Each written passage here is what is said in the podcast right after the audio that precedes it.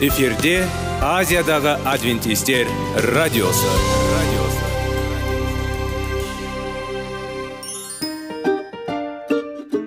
Сәлем достар. Денсаулық өмір бұлағы және біздің бірінші байлығымыз демекші денсаулық сағаты рубрикасына қош келдіңіздер. Біздің рубрикада біз әртүрлі факторларменен мәліметтерменен кеңестерменен бөлісіп шын жүректен сіздердің дендеріңіз сау болғанын қалаймыз.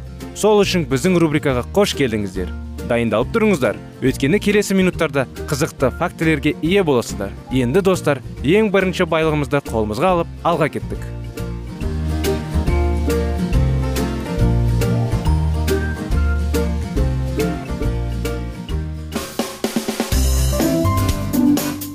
Денсаулық туралы хабар. Денсаулықтың ашылуы. Күн сайын сөз үшін күшті кеңестер соңғы жаңалықтар қызықты факторлар. Біздің рубрикада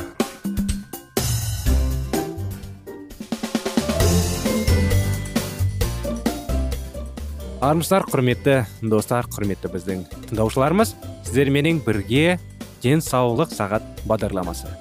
Қытай зерттеулері жайлы тақырыпты өткізіп жүрміз. Қазір сіздердің назарларыңызға біраз болды. Соны тыңдап бізбен бірге ары қарай жалғастырайық. Тамақтану мәселелерін зерттеуде диета мен денсаулық арасындағы байланысты алдау соншалықты тікелей емес. Адамдар әртүрлі өмір салтын ұстанады. Генетикасы әртүрлі және әртүрлі тағамдарды жейді. Ақша шығындарымен уақыт шеңберлермен және өлшеулердегі қателіктермен байланысты эксперименттің шектеулері зерттеу үшін маңызды кедергілер болып табылады. Мүмкін ең бастысы тамақ өмір салты және денсаулық осындай күрделі көп факторлары жүйелері арқылы өзара байланысты. Сондықтан сіз зерттеу объектілерінің керемет құрамына ие боласыңыздар. Бір фактор мен бір аурудың дәлелдерін нақты анықтау мүмкін емес. Уақыт пен қаржылық ресурстардың шексіз мөлшері. Осы қиындықтарға байланысты біз көптеген стратегияларды қолдана отырып зерттеу жүргіземіз. Кейбір жағдайларда біз болжамды себеп күтілетін нәтиже бере ме? Жоқ па? Әртүрлі адамдар топтары арасындағы айырмашылықтарды байқау және өлшеу арқылы бағалаймыз. Біз майдың әртүрлі мөлшерін тұтынатын қоғамдарды байқап салыстыра аламыз. Содан кейін бақылаулар арқылы бұл айырмашылықтар сүт безінің қатерлі ісігі немесе остеопороз немесе басқа аурудың жиілігіндегі ұқсас айырмашылықтармен байланысты ма? Жоқ па? Соны анықтай аламыз. Біз қазірдің өзінде ауырған адамдардың тамақтану ерекшеліктерін осы ауру жоқ адамдардың салыстырмалы тобымен байқай және салыстыра аламыз. Біз аурудың жиілігін 1950-1990 жылдары байқап салыстыра аламыз. Содан кейін бақылау арқылы аурудың жиілігіндегі өзгерістер тамақтану өзгерістерімен байланысты ма? Жоқ па? Соны анықтай аламыз. Бұрыннан бар құбылыстарды бақылаудан басқа біз эксперимент жүргізе аламыз. Және нәтиже қандай болатынын көру үшін болжамды емдеуді жүзеге асыру арқылы әдейі араласамыз. Мысалы біз дәрі дәрмектерді қауіпсіздік пен тиімділікке сынау кезінде араласамыз. Адамдардың бір тобына дәрі дәрмек беріледі. Ал басқа ғой плацебо науқасты адастыру үшін дәрі сияқты әсер етпейтіні асады бірақ тамақтану мәселелеріне араласу әлде қайда қиын. Әсіресе егер адамдар стационарлық емделмеген болса өйткені біз олардың белгілі бір диетаны қатан ұстанымдығына сенімді болуымыз керек. Біз зерттеулерді бақылау және араласу әдістерімен жүргізетіндіктен біз нәтижелерді жинақтай бастаймыз және гипотезаның артында және оған қарсы дәлелдерді өлшей бастаймыз. Гипотезаның пайдасына дәлелдер соншалықты сенімді болған кезде оларды дәлелді түрде жоққа шығару мүмкін емес. Біз бұл ойды дұрыс деп тұжырымдаймыз. Осылайша мен тұтас өнімдер мен өсімдік тағамдарының пайдасына дәлелдер келтіремін осы кітапты оқуды жалғастыра отырып сіз бір екі зерттеудің нәтижелері бойынша оңтайлы тамақтану пайдасына абсолютті дәлелдер табуға тырысқандарының көңілін қалдыратындығын ескертуіміз керек. Алайда дұрыс тамақтану және денсаулық мәселелерінде шындықты тапқысы келетіндер қол жетімді түрлі көздерден алынған дәлелдердің сенімділігін бақылай отырып таң қалады және сұрақтарына жауап алады деп сенемін. Бағалай отырып дәлелдеме анықтамасы және бірнеше принциптеріне қоса алғанда мазмұндалған бұдан әрі. Корреляция және себептік байланыс. Көптеген зерттеулерде корреляция және ассоциация сөздері екі фактордың өзара байланысты сипаттау үшін қолданылады. Мүмкін тіпті себептік тәуелділігі білдіреді. Бұл ойдың көбінесе қытай зерттеуінде қолданылады.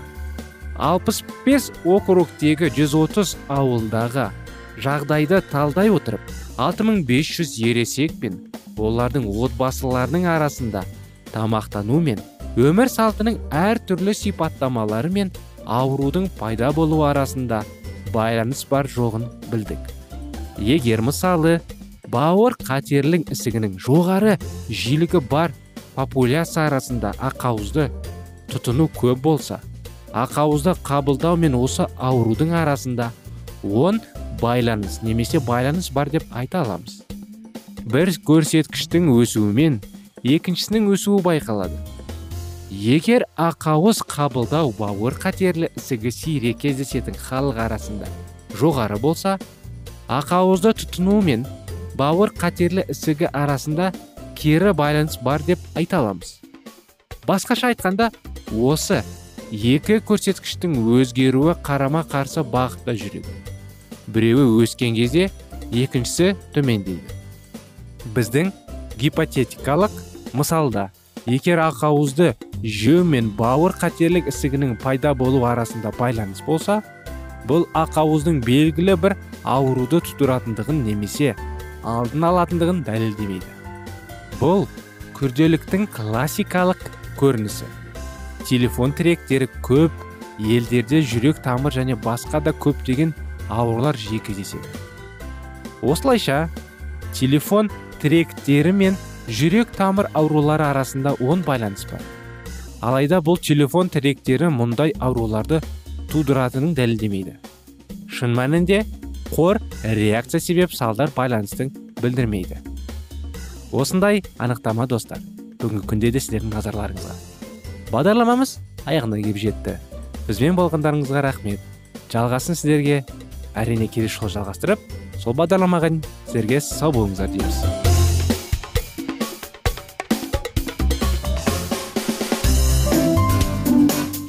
Денсаулық туралы хабар. Денсаулықтың ашылуы. Күн сайын сөз үшін күшті кеңестер соңғы жаңалықтар қызықты факторлар біздің рубрикада.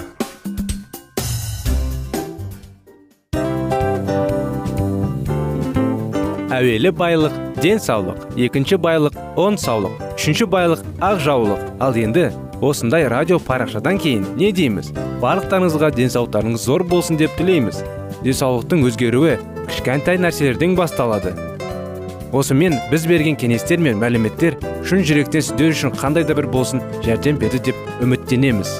Тыңдаушыларымызбен келесі радио парақшасына дейін қоштассамыз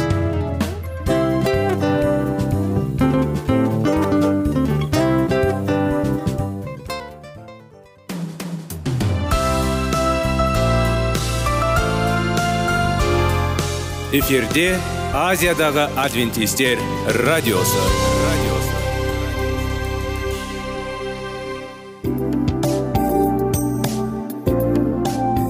Сәлем достар. Барлықтарыңызға шын жүректен сөйлесек рубрикасына қош келдіңіздер деп айтпақшымыз. Шын жүректен сөйлесек бағдарламасы әртүрлі қызықты тақырыптарға арналған. Шындығында шын жүректен сөйлесек деген сөздің мағынасы екі достың екі адамның ортасындағы шын жүрекпен сөйлесуі бір біріне сенуі ашықтық пен шындықты білдіреді. Сол үшін біздің бағдарламалар әртүрлі қызықты тақырыптарға арналған. Дайындалыңыз жаңа қызықты мәліметтерге ие болуға. Ондай болса кеттік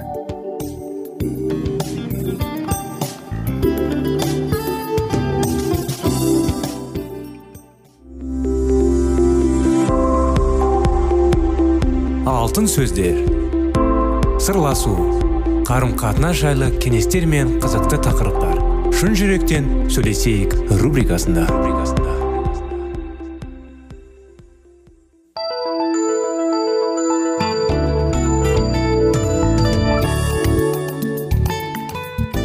Сәлеметсіздер ме армысыздар құрметті радио тыңдаушыларымыз сіздермен бірге шын жүректен сөйлесейік. Бағдарламасы. Келіңіздер бірге 25 керемет некенің оқиғаларын жалғастыра кетейік.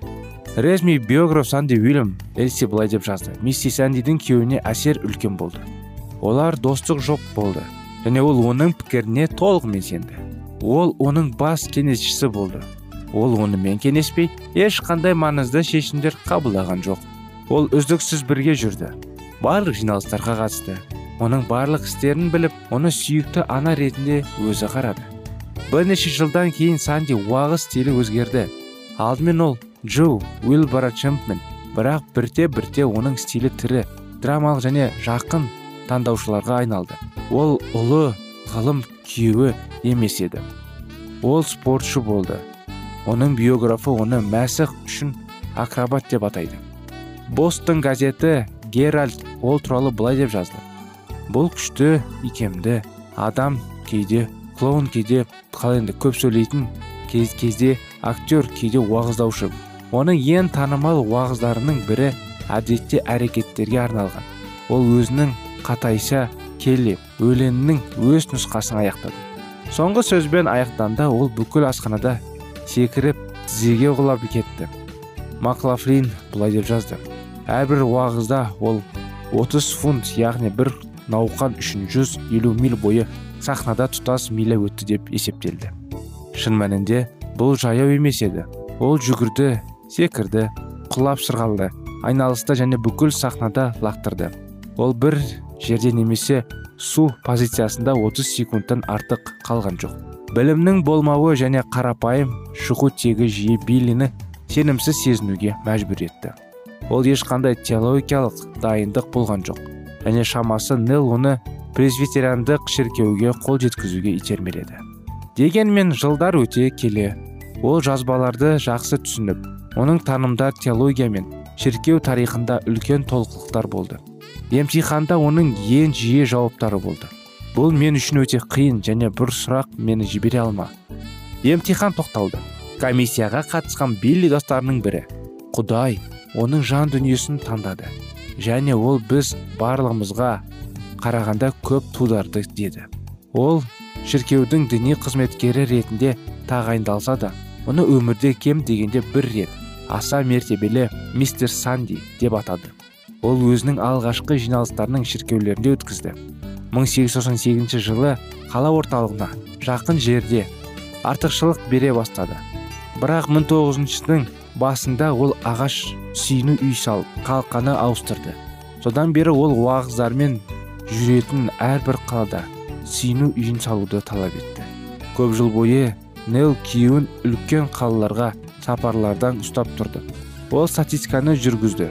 Ол қала халқы 30 мың адамның асып кетсе науқан әдеттердің әлде қайда аз табысын өтті. Егер тұрғындар көп болса деді ол. Олар келген әр қала халқының 20 пайызын аударуға тырысты. Билли 90 пайызының евангелизациялық жұмысының алғашқы 10 жылдан ол 10 мың адамның аспайтын халық тұратының қалаларда өткізілді. Барақ біртіндеп олар шақыру және одан да үлкен қалаларға да түсе бастады. 1914 жылы билли денвер питтсбург филадельфия канзас сити детройт бостон нью йорк чикаго вашингтон атланта және лос анджелесте сияқты қалаларда өнер көрсетті. Евангелиялық науқастармен қатар командада өсті. 1917 жылға қарай штатта танымал музыкант гомер родрихер болатын көптеген қызметкерлер болды. Билли әйелімен бірге алты әйел жұмыс істеді.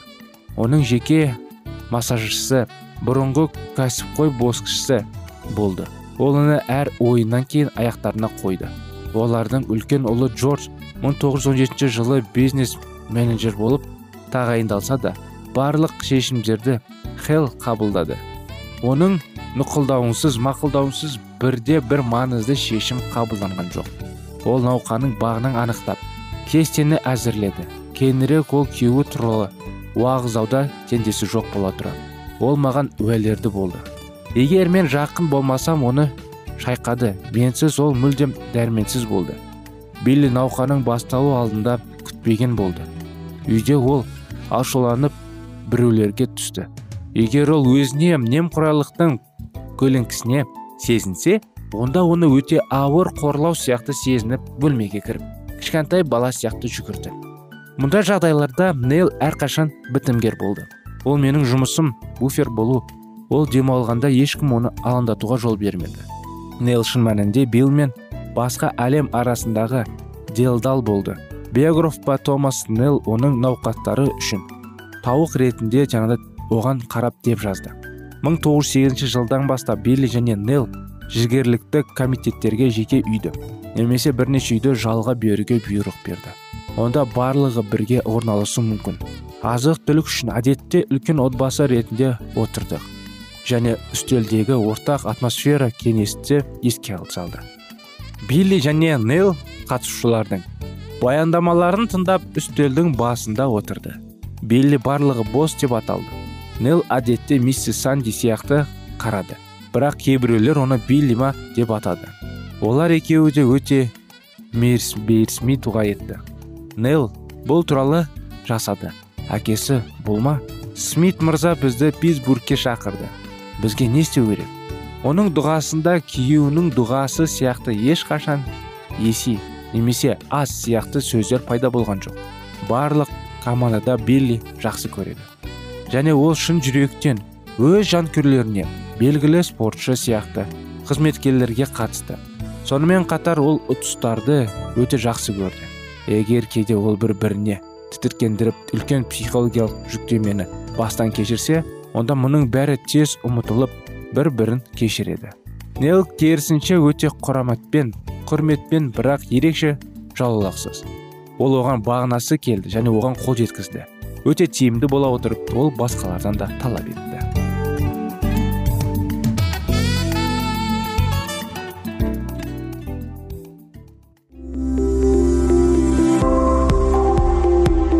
Алтын сөздер. Сырласу. Қарым қатынас жайлы кеңестер мен қызықты тақырыптар. Шын жүректен сөйлесейік рубрикасында.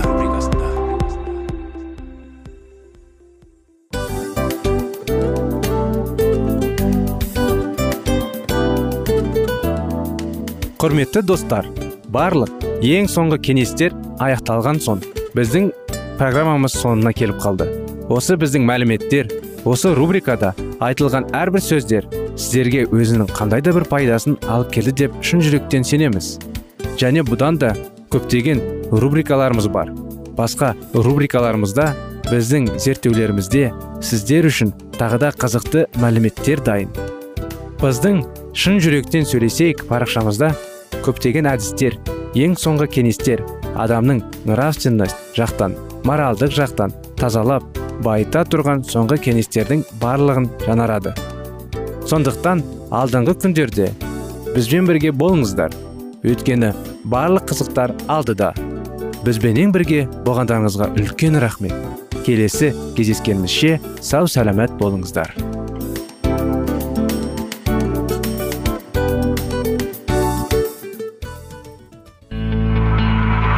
Жан дүниеңді байытқан жүрегіңді жаңғыртқан өмірдің мағынасын ойландырған рухани жаңғыру рубрикасы.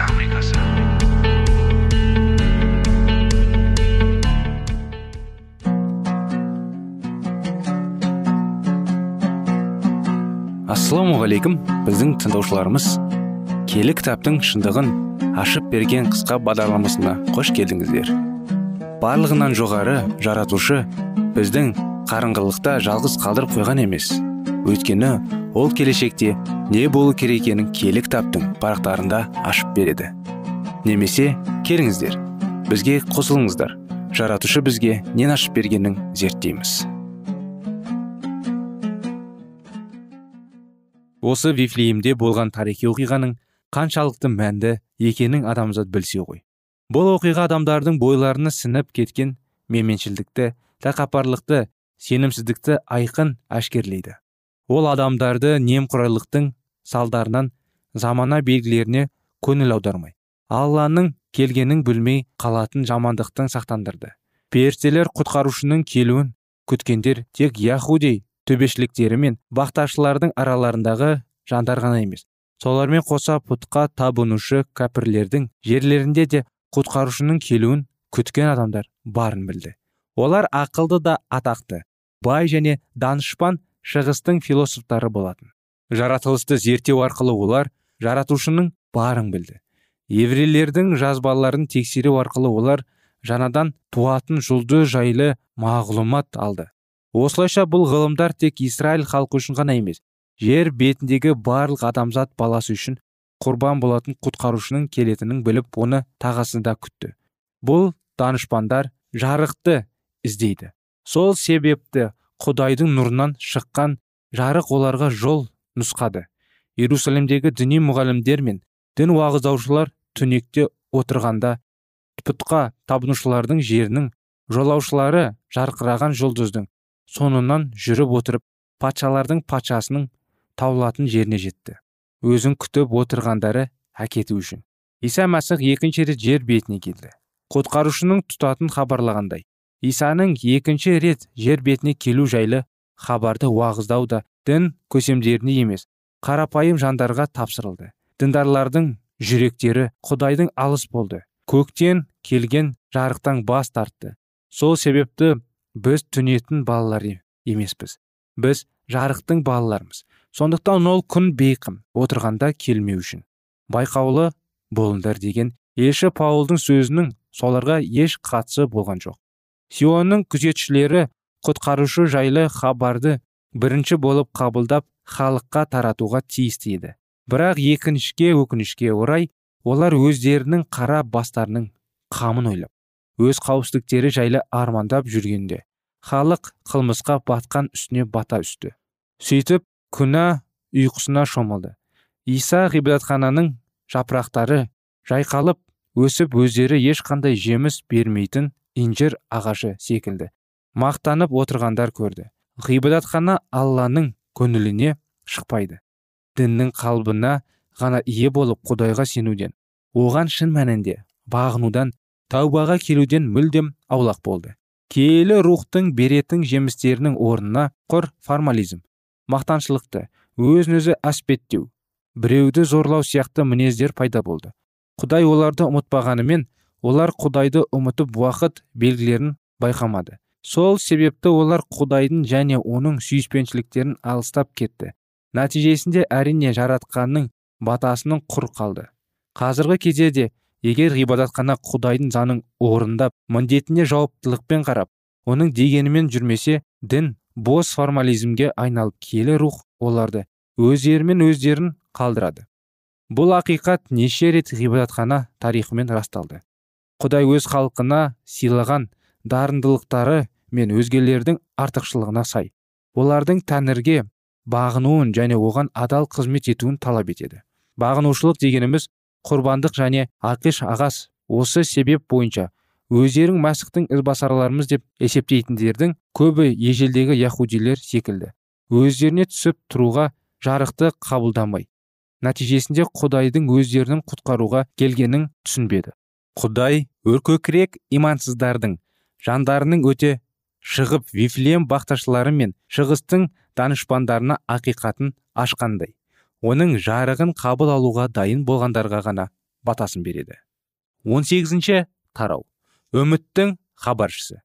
Вильям миллер өте әділетті де момын фермер болатын. Келі жазбаға онаша сене қоймағанымен оның ақиқатты білуге деген ұмтылысы зор болды. Сол себепті құдай оны мәсіхтің жер бетіне келетін жайлы хабарды көпшілікке тарату үшін өзінің қызметшісі ретінде таңдап алды. Басқа да көптеген реформаторлар секілді оның жастық шағы да жоқшылықты өтті. Сондықтан болар ол көп нәрседен бас тартуды үйреніп дер кезінде шешім қабылдап бастаған ісін тиянақты орындауға тырысатын. Оның туып өскен жанұясы тәуелсіздікке бостандыққа шыдамдылыққа және отанның деген зор сүйіспеншілікке ұмтылатын. Бұл тәрбие вильямның мінезінің қалыптасуына көп әсерін тигізді. Оның әсері революциялық әскердің капитаны болған. Олардың тапшылықтың тексеретін таратуының да басты себебі осы еді. Соған қарамастан вильям миллердің денсаулығы өте мықты болды. Сонымен қоса ол өте ақылды да болатын. Бұл қасиеттер бала өскен сайын өте жақсы көріне бастады. Білімге деген құштарлығы зор болды. Университет қабырғасында оқымағанымен оның білімге деген сүйіспеншілігі ойлануға деген әдеті және пайдалы іспен шұғылдануы оны саналы дарынды азаматтардың қатарына шығарды. Сондай тәртіпті өнегелі үнемші таза пиғылды азамат болғандықтан жұрт оны қатты сыйлады. Үнемшілдікті қуатты және талапталығы табандарлығының арқасында қаражайлы тәуелсіздікке жетті. Дегенмен білімін толықтырып отырған деген әдетін қалдырған жоқ. Адамзаттық және әскери жүйелерде белгілі орындарға ие болып басқару жұмыстарын жүргізді. Басқаша айтқанда оған атақ пен байлыққа ие болудың жолы ашылды десе де оның көздеген мақсаты мүлдем басқа болды. Оның анасы қарапайым таза жанды әйел болған. Сондықтан балалық шағы рухани атмосфера өтті. Десе де есейе келе миллер десеттердің қоғамына кірді. Олар өте тәртіпті мейірімді шыдамды ұстамды бауырмал жандар болатын. Мәсіхшілер жанұяларында өсіп шыққан бұл адамдардың мінездерінің қалыптасуына әлбетте келі кітаптың әсері тигенімен. Оны дұрыс зерттеп талдай білмегендердің. Салдарының бұл адамдар маңайындағыларға киелі жазбаға қарама қайшы келетіндей ілімдерін тарта бастады. Мейлер осы адамдармен қарым қатынас жасағандықтан олардың көзқарастарын еріксіз қабылдады. Сол кезде келі жазбаны талдау жолдары көптеген қиындықтар туғызды және игілмейтін көрінді.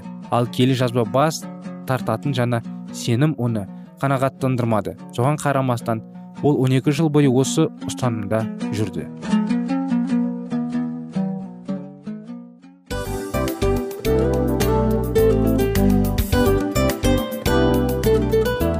Достар біздің радио парақшамыз өзінің соңына келіп те қалды.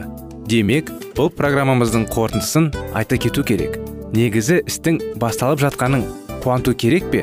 Әлде оның қорытындысы қуанту керек пе? Сіздер қалай ойлайсыздар? Меніңше қорытындысы деп ойлаймын. Себебі жасаған ісінің жемісін көріп қорытынды арқылы бағалап жүрегін қуантады. Баяғыда айтқандай бидайды сепкенде емес бидайдың жемісін жинаған кейін ыстық нанды жегенде кәдімгідей рахаттанасың ғой. Осымен біздің бағдарламамыздың аяғында тыңдаушыларымыз қандай пайда алды екен деген ойдамыз. Егерде өткен сфераларда пайдалы кеңес алған болсаңыз біз өзіміздің мақсатымызға жеткеніміз. Бүгінгі 24 сағаттың алтындай жарты сағатын бізге бөліп ардағаныңыз үшін рахмет. Келесі кездескенімізше қош сау болыңыздар. Достар біздің бағдарлама бойынша сұрақтарыңыз болса әрине сіздерге керекті анықтама керек болса біздің whatsapp нөмірімізге хабарлассаңыздар болады. Плюс бір үш жүз бір жеті жүз алпыс алпыс жетпіс. Иә достар сіздер қателеспедіңіздер бұл біздің номерлерге ұқсас болмаса да бұл whatsapp номер арнайы. Хабарласыңыздар сұрақтарыңызды қойып тұрыңыздар. Анықтаманы алып тұрыңыздар. Плюс бір үш жүз бір жеті жүз алпыс алпыс жетпіс whatsapp номері